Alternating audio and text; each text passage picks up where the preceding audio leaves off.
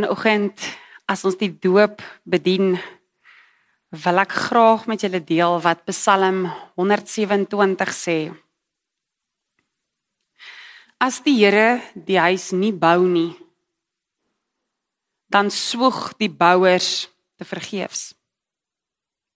As die Here oor die stad nie wag hou nie, dan bly die wagte te vergeefs wakker te vergeefs dat hulle vroeg opstaan en eers laat tot rus kom.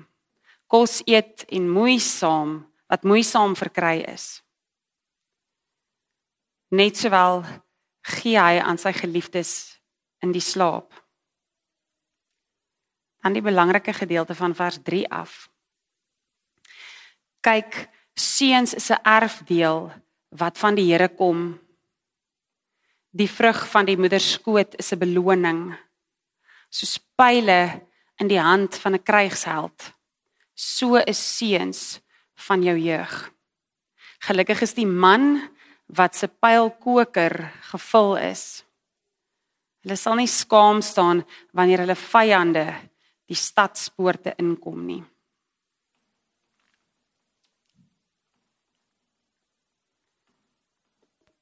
Hoekom ek dit vanoggend met julle deel is omdat dit vir my so mooi is. En dit vir ons help om iets belangrik van die doop te verstaan. As dit nie is dat God deel is van hierdie twee boeties se lewe nie, dan is dit wat ons vanoggend doen te vergeefs. Dan kan ek julle huis toe stuur en sê, "Hoekom is julle hier?" Maar julle het gekies om vanoggend hier te wees omdat julle as ouers besef dat vir daai boetie en vir daai boetie is julle die beste ouers wat daar kan wees. Daar's niemand beter vir daai boetie en daai boetie nie. Net julle. Maar in daai besef dan weet ons, maar ons as ouers, as ons ons kinders grootmaak, Ons probeer ons beste, maar ons maak baie foute. Ons doen baie dinge verkeerd. Nie omdat ons dit aspres wil doen nie, ons wil nie slegte dinge doen teenoor ons kinders nie, maar ons eie seer dra by totdat ons baie keer ons kinders seermaak.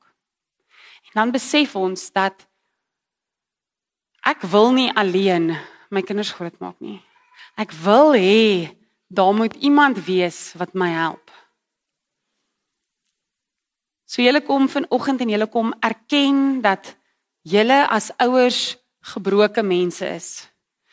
Julle kom en julle kom erken dat daai babatjies in 'n stikkende wêreld ingekom het. Maar julle kom en julle erken en julle sê maar God is die plek waar ons genees. God is die plek waar ons weer vol word, heel word. Maar julle kom ook vanoggend en julle kom sê vir die Here dankie vir daai twee lyfies in julle lewens.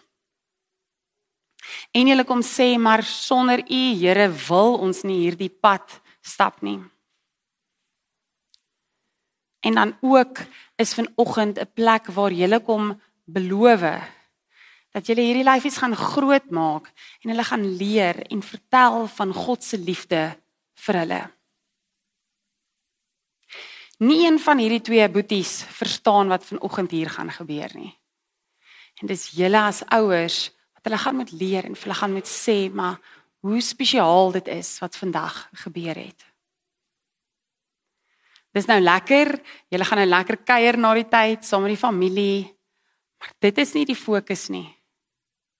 Die doop is nie net 'n mooi gewoonte wat ons doen want dit is lekker om die familie bymekaar te hê en um ek is gedoop, so my kinders moet gedoop word nie. Hierdie is 'n baie baie spesiale intieme oomblik tussen God en daai twee babatjies. En julle as ouers is die verantwoordelike persone om as getuies hierdie pad saam met hulle te stap. 'n Pad waar hulle vir God moet leer ken. Ek gaan nou 3 vrae vra vir julle as ouers waarop julle dan hard kan antwoord. In die eerste plek bely julle dat julle kinders as sondaars in die wêreld gekom het en daarom onder die oordeel van God staan. maar dat hulle nogtans in Christus aan God behoort en daarom lidmate van sy gemeente gedoop moet word. In die tweede plek bely julle dat die Ou en die Nuwe Testament en ook al die artikels van die Christelike geloof alles vir ons vertel van God en dat dit die ware leer is wat ons in die Bybel van lees wat ons leer oor verlossing. Die derde vraag, beloof julle om hierdie twee lyfies groot te maak? Julle is die mamma en pappa van hulle. En om hulle te leer en hulle te onderrig en te laat onderrig in Jesus se leer. Wat is julle antwoord? Ek gaan nou alfabetiese volgorde ook maar net net want dis swart en Richie. So ek gaan eers te vra dat julle met Lukas vorentoe kom. Ek nou net nie vergeet om dit te doen nie. Lukas, Daniel Swart, is my voorreg om jou te doop in die naam van God die Vader en die Seun en die Heilige Gees. Voordat ek by daai boeta kom, gaan ek gou hierdie enetjie eers vat. Die mamma en pappa het nou 'n belofte gemaak. Maar ek gaan nou vra dat die oumas en oupas opstaan asseblief. Dis net hier. Tannie Nadia baie lank lank so klein lyfie vasgehou. Ja. Is baie sleg ek weet. Kyk gou-gou daar staan jou ouma en oupa op. Ander naaste familie kan ook opstaan van die lyfie. Maar julle almal wat nou hier is, is vanoggend getuies dat hierdie Boeta, Daniel, 'n kind van God is. Lankal deur God uitgekies. Maar hoekom ek hom nou by sy mamma en pappa vat? Hulle het nou die belofte kom maak vanoggend hier. So die grootste werk lê op hulle hande. Maar elkeen van julle wat hier is, is getuies. Moet kyk na hulle en hulle ondersteun. Nie inmeng en sê hoe hulle hierdie boetie moet grootmaak nie, maar julle moet bydra tot hierdie boetie se lewe dat hy nooit een oomblik daaraan twyfel dat God vir hom lief is nie. Vat julle daai verantwoordelikheid. Julle moet asseblief ook ja antwoord. Kom. Asai. Nou kan julle vir my vorentoe kom.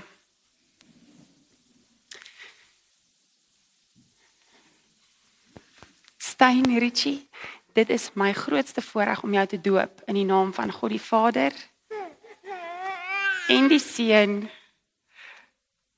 en die Heilige Gees. O, oh, tannie Nadia is baie lelik met my. Kom jy ook hier, Boeta? Hallo, skat. Ja. Is ek het ek jou sop nat gemaak? Kyk gou-gou daar. Oumas en oupas staan asseblief op van hierdie lyfie. Ander naaste familie, julle kan ook opstaan. Kyk daar, dis bekende mense daai. Jy moet vir hulle kyk, nie vir hulle gesig trek nie, hoor jy? En die res van julle ook. Hierdie lyfie, daai lyfie bly nou bietjie ver. Hierdie lyfie is in ons gemeente. Julle gaan eendag kategese gee. Julle gaan dalk onderwysers wees. Julle gaan 'n rol speel in hierdie lyfie se lewe. En dis julle verantwoordelikheid om saam met hierdie mamma en pappa vir Stein te laat weet wie God is en wie hy in God is. Sodat hy geen oomblik twyfel dat God vir hom lief is nie. Hoor jy Boeta? God is vir jou lief. God is vir jou lief. Ek sê, wil jy terug gaan na mamma en pappa toe? Kan ek jou maar nog so 'n bietjie hou? Ek het al die vorige vorige ronde het ek hom gevat en vir mamma en pappa gesê gee hom vir my 'n bietjie. En toe raak hy in slaap. Nou weet ek nie of ek dit goed is of sleg is nie. Sê.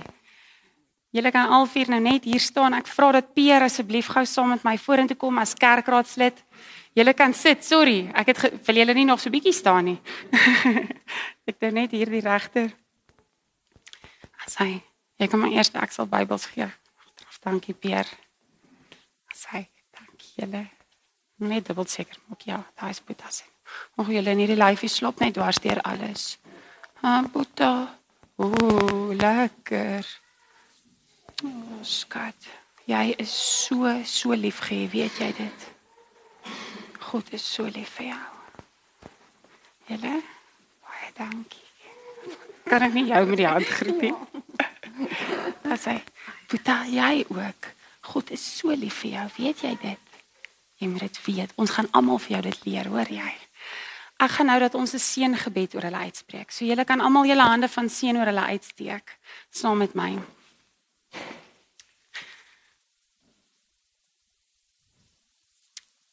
Here Wat 'n voorreg as ouers kom en sê ons wil ons kind doop. Here ons besef wat 'n voorreg dit is om ouers te wees. Maar ons weet ook wat 'n verantwoordelikheid dit is en daarom vra ek Here seën hierdie ouers. Help hulle, begelei hulle. Vir ons wat vandag hier sit, Here, wys ons ook hoe ons hulle kan ondersteun en hulle kan help. Dat hulle as ouers weet hier is 'n familie wat vir hulle omgee en wat hulle nie wil los nie. Here hierdie twee boeties dat hulle ook weet dat hulle hierdie uitgebreide familie het wat vir hulle lief is. Wat vanoggend met hierdie eerste kyk in hulle oogies vir hulle lief geraak het. Here, maar in die eerste plek laat hulle weet U is vir hulle lief. Seën hulle met U liefde. Amen. Julle kan gaan sit. Dit is altyd vir my so kosbare oomblik die lyfies. En omdat ek altyd die babatjies by die ouers vat, het ek altyd so 'n oomblik van wat gaan hulle doen? Gaan hulle huil? Gaan hulle vir my lag? Gaan hulle my oorbel trek? maar dankie dat ek met julle dit kon deel vanoggend. Dit is vir my spesiaal en ek weet dat God so lief is vir julle as gesinne en daai lyfies. Ek gaan vanoggend preek oor vrede of eintlik tevredenheid. Wat is die gebaar vir tevrede? Net vrede, maar net tevrede en oormaat tevrede. Ek het ons Afrikaanse juffrou het altyd gesê alles met 'n te vooraan is net te erg. Jy moet nooit 'n te vooraan 'n woord sê nie, dan is dit te erg. Behalwe tevrede. Tevrede is goed. Tevrede is reg. Vanoggend gaan ons praat dat tevrede of vrede is 'n werkwoord. Dis nie 'n gevoel nie. Maar voor ek dit gaan verduidelik, wil ek gou vir julle iets lees. Arthur Schlesinger. Sy van kan ek nie uitspreek nie. Schlesinger is 'n historikus. Hy het gesê ons leef in 'n tyd van onblusbare ontevredenheid. Dit is my so mooi, 'n onblusbare ontevredenheid. Ons vra altyd, wat is volgende? Wat is beter? Wat is meer? Ons is nooit tevrede met wat ons het nie. En ook jaloers op ander wat meer het. So vanoggend is die vraag: Is ons ontevrede? Hoe lyk tevrede? Wat beteken dit? En hoe kry ek dit? So ons gaan saam lees uit Filippense 4. Nou as ek sê Filippense 4, dan dink ek altyd aan daai kinderliedjie. Filippense 4 vers 4 sê verbly jou, verbly jou in die Here. Maar ons gaan lees daar vers 1 tot vers 13. Daarom, my broers en susters, julle vir wie ek lief is, wie ek verlang, my vreugde en my kroon, geliefdes, staan so vas in die Here. Sommige net daai eerste vers is vir my so mooi. Jy hoor sommer hoe lief het Paulus hierdie mense. Hy's so lief vir hulle as hy hierdie vir hulle skryf.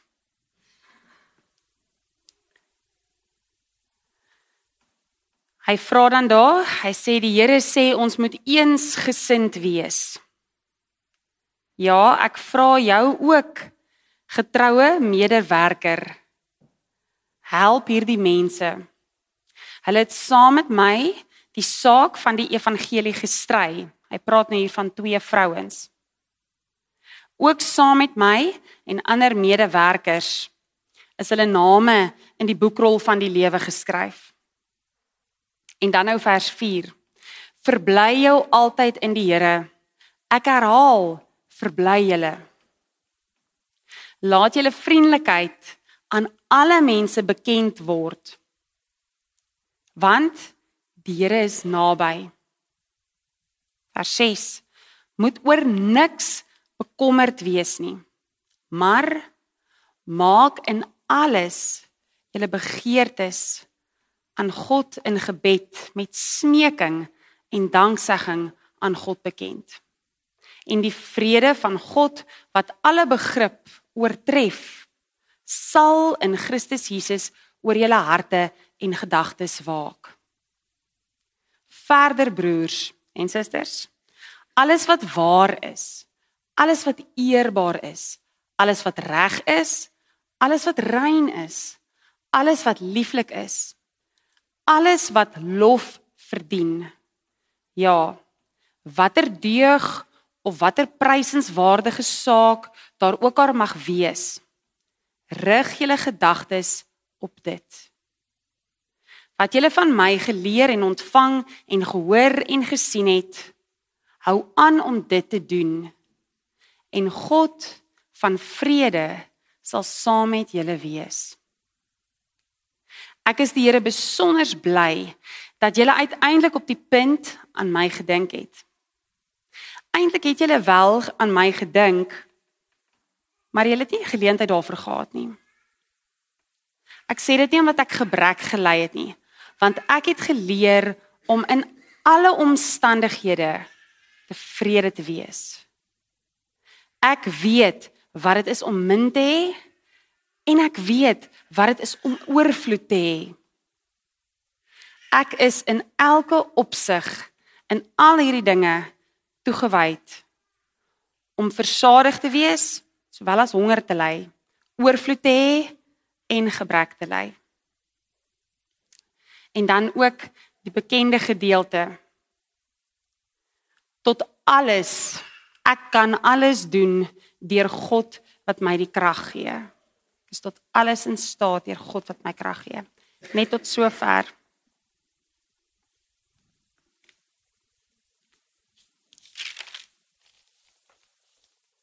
Paulus sê ek het geleer om in alle omstandighede tevrede te wees. Wow. Dis so mooi. Hy het geleer om in alle omstandighede. Nou Paulus was in die tronk. Paulus het honger gely. Paulus het geken van swaar kry. Maar Paulus het besef dat tevrede hang nie af van omstandighede nie. Om tevrede te wees kom van binne. Dis wie jy is wat maak of jy tevrede is of nie. Maar daai binne, daai wie ek is, is nie ek as Nadia nie. Dit gaan oor my verhouding met God. Wie God sê ek is. Dit is die belangrike ding.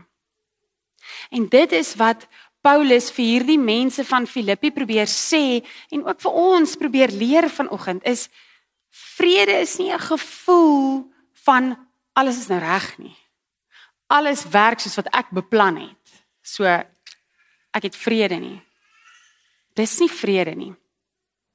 As ek leef in 'n verhouding met God en ek weet wie ek is in God, dit is vrede. Dit is om vrede te hê.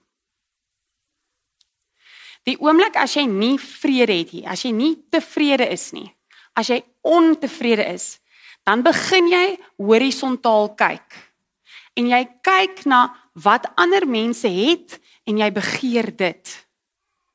Jy kyk na die wêreld om jou en jy het hierdie gevoel van ontevrede. Maar om tevrede te wees, moet jy opkyk. Jy vertikaal kyk. En jy moet besef dat God is genoeg. En jy is genoeg vir God.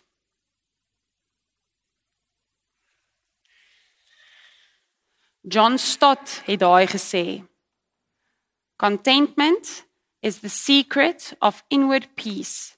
It remembers the stark truth that we brought nothing into this world and we can take nothing out of life, oh, out of it. Life, in fact, is a pilgrimage from one point of nakedness to another. So we should travel light and live simply. Our enemy is not possession, possessions, but excess. Our battle cry, not nothing, but enough. We've got enough. Simplicity says, says if we have food and clothing, we will be content with that. Kom ons vertaal dit gou. Die geheim tot innerlike vrede is die besef dat toe ek gebore is, het ek niks gebring nie. As ek eendag doodgaan, kan ek niks saamvat nie. So die lewe is 'n pelgrimstog van een plek van niks hê tot 'n volgende punt van niks hê. Nou klink dit so bietjie hartseer, dit klink so bietjie morbied. Maar ons gaan aan. Hy sê verder: As jy besef dat jy begin met niks en jy eindig met niks, dan is dit maklik om te sê hierdie tussenin, hierdie lewe wat ek leef, moet ek lig leef.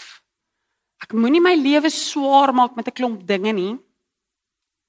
En dan sê hy besittings is nie die vyand nie, maar oormaat is. Ons moenie sê ek het niks nie, ons moet sê ek het genoeg. Ons het genoeg. Eenvoud sê as ek kos en klere het, dan moet ek tevrede wees. Ons as Christen nou, as ons verder praat oor dit. Ons as Christene sê ja, kos is belangrik, klere is belangrik. Maar ek kan dit hê en nog steeds ontevrede wees. Maar as ek God het, het ek vrede. So hoe kan ek tevrede wees? Dit is nie net iets wat gaan kom na my toe nie. Ek moet bewustelik besluit om te leer Paulus sê ek het geleer om tevrede te wees in alle omstandighede. Emma het nou vir my gesê, dis amper tyd vir eksamens. So hulle moet nou begin leer. Wat beteken dit om te leer? Die van julle wat nou al ouer is, het dalk al so 'n bietjie vergeet. Ek ook dalk so 'n bietjie vergeet wat dit is om te leer. Leer beteken jy moet gaan sit en jy moet fisies leer. Jy moet jou boek vat en jy moet leer. Jy moet skryf, jy moet stap.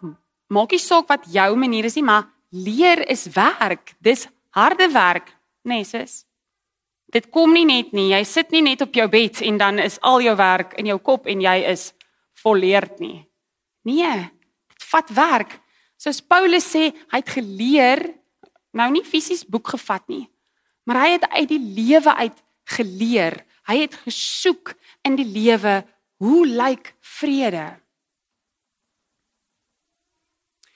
Ons is geneig om dinge te soek wat vir ons gaan vrede gee.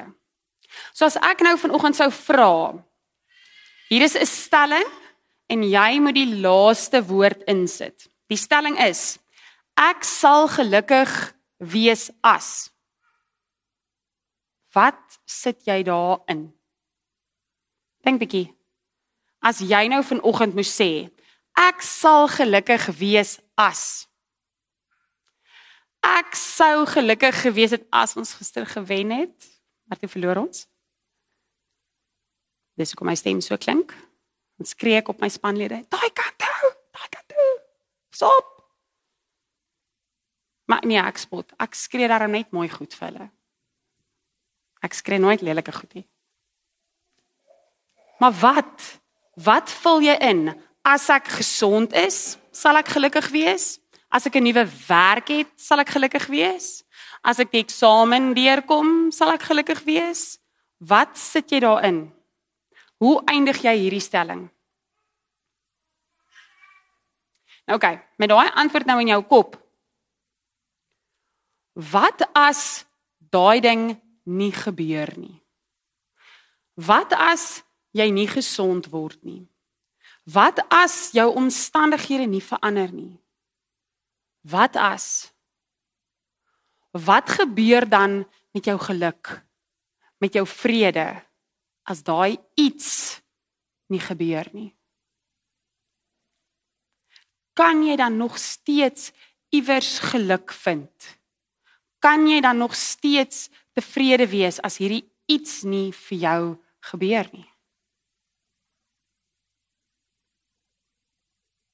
Want ons soek dinge in die wêreld wat ons gaan tevrede maak.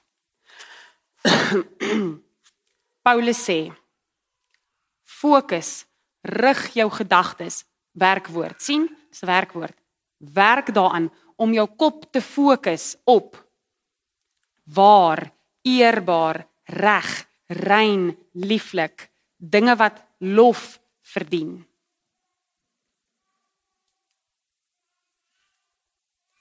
En dan gaan hy aan. Vroeger dan sê hy as jy al hierdie dinge, al hierdie goeie goed gedoen het, weer 'n werkwoord. As jy dit gedoen het. As jy bid tot God. Al hierdie dinge bring jou op 'n plek van vrede. Maar dis as jy besef dat God is die middelpunt van daai vrede. God is die een wat daai vrede gee. Tevredenheid sê nie ons mag nie droom oor 'n toekoms nie. Tevredenheid, tevredenheid sê nie jy mag nie begeer nie. Want wat sê Paulus? Paulus sê begeertes, wat doen ek daarmee? Nee, vergeet dit, mag nie begeer nee. Hy sê vat jou begeertes na God toe met gebed. En nie net gee dit vir God nie, hy sê met smeking gee vir God jou begeertes. Nou smeek is iets baie meer as net vra.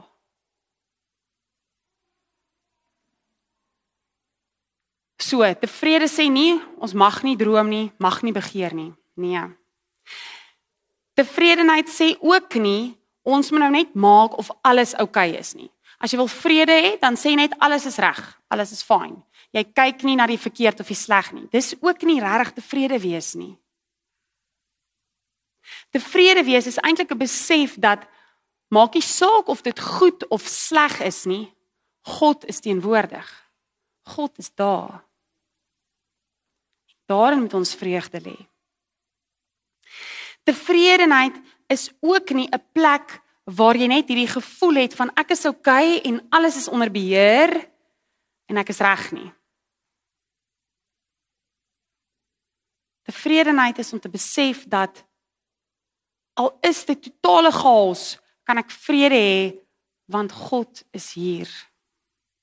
God is die een ding wat altyd vas staan, maak nie saak hoe deurmekaar my lewe is nie. So ek sê weer, Tevredenheid is dis nie 'n ding wat gebou is op ons omstandighede nie.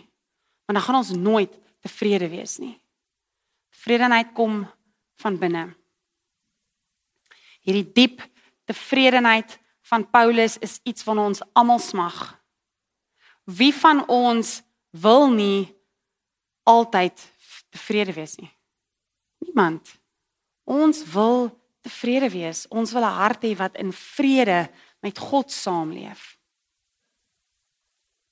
Maar ons moet besef dit is nie 'n gevoel van daai gisteraand toe ek nou heeldag het ons netbal gespeel ek is moeg. Weet jy hoe lekker was dit om my tekkies uit te trek, te stort en toe in die bed te gaan lê. Daai gevoel dis lekker. Maar dit is nie die tevredenheid van Paulus praat nie. Want vanoggend het my alarm weer afgegaan en toe is daai gevoel weg want toe moet ek begin werk. So hierdie tevredenheid het 'n goddelike oorsprong. So, ek sluit af. Wat is die geheim? Wat is die geheim van hierdie tevredenheid? In die eerste plek onthou die kruis.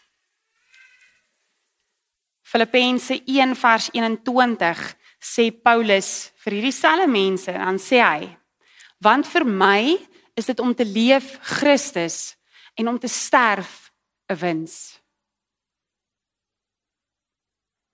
Onthou baie baie mooi die seer van Christus wat op die kruis gehad het. Toe Christus op die kruis gesterf het, dink ek gevoelsgewys was hy die verste van vrede af. Maar tog was hy die naaste aan vrede. Want hy was naby aan God die Vader. En toe Jesus aan daai kruis gehang het in daai seer, het hy gekyk en hy het jou gesien en hy het gesê ek is stil tevrede in my liefde vir jou.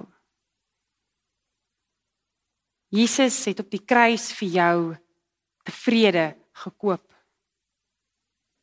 Sodat ons dit nie hoef te soek in wêreldse dinge nie. So oké, okay, eerste een, onthou die kruis. Die tweede een is wat gaan die verlede. Filippense 3 vers 13. Dis Paulus nog steeds met dieselfde mense besig. En dan sê hy, ek vergeet die dinge wat agter is en ek strek my uit na wat voor lê. Daai wat as wat as ek maar net dit gedoen het en nie dit gedoen het nie. Jy gaan nooit tevrede wees as jy aanhou vashou aan foute van die verlede nie. Jy gaan nooit tevrede wees as jy vashou aan mense wat jou seer gemaak het in die verlede nie. As jy nie vergewe nie. Vrede vra dat jy vergeet.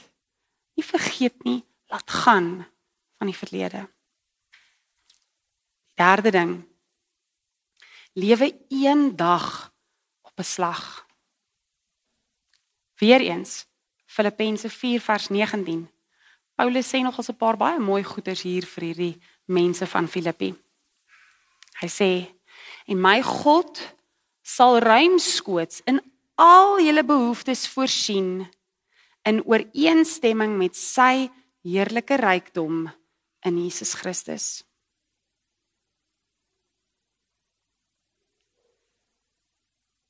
sien raak dat jy vandag genoeg het. Die laaste ding.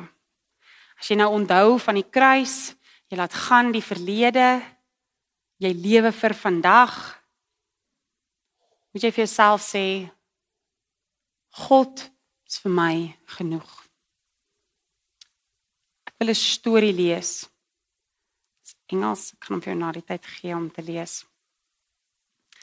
Tim Van der Veen from Spring Lake, Michigan, was a great student at Hope College, Holland, Michigan.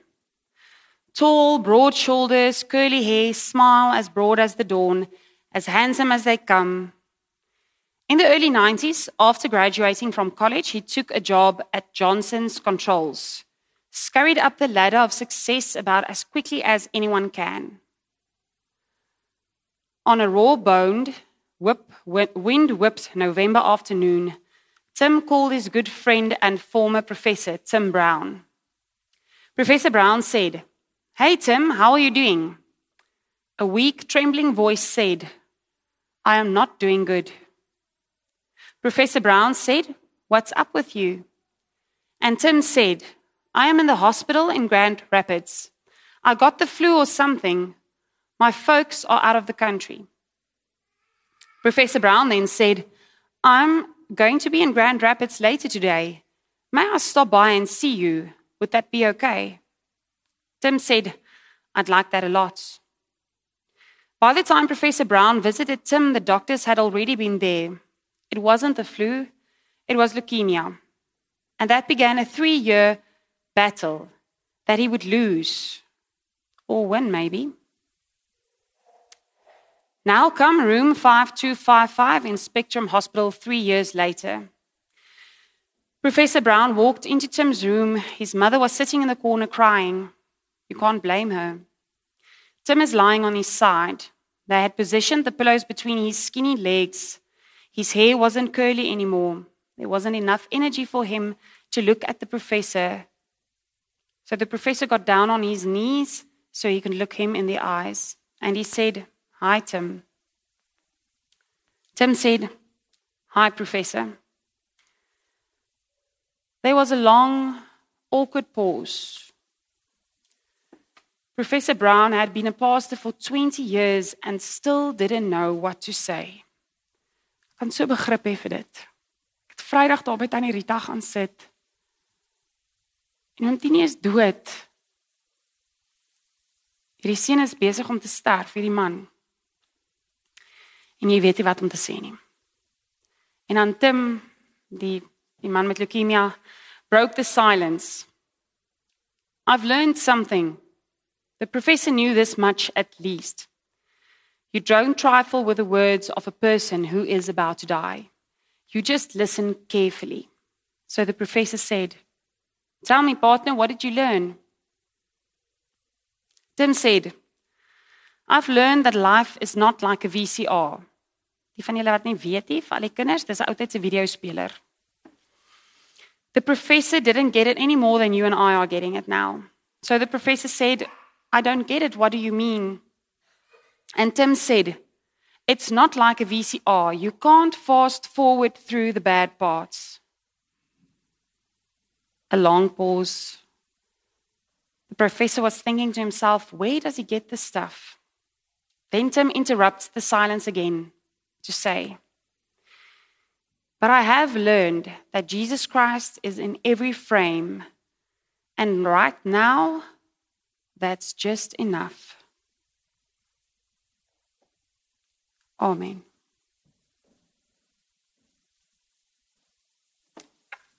Here vir nou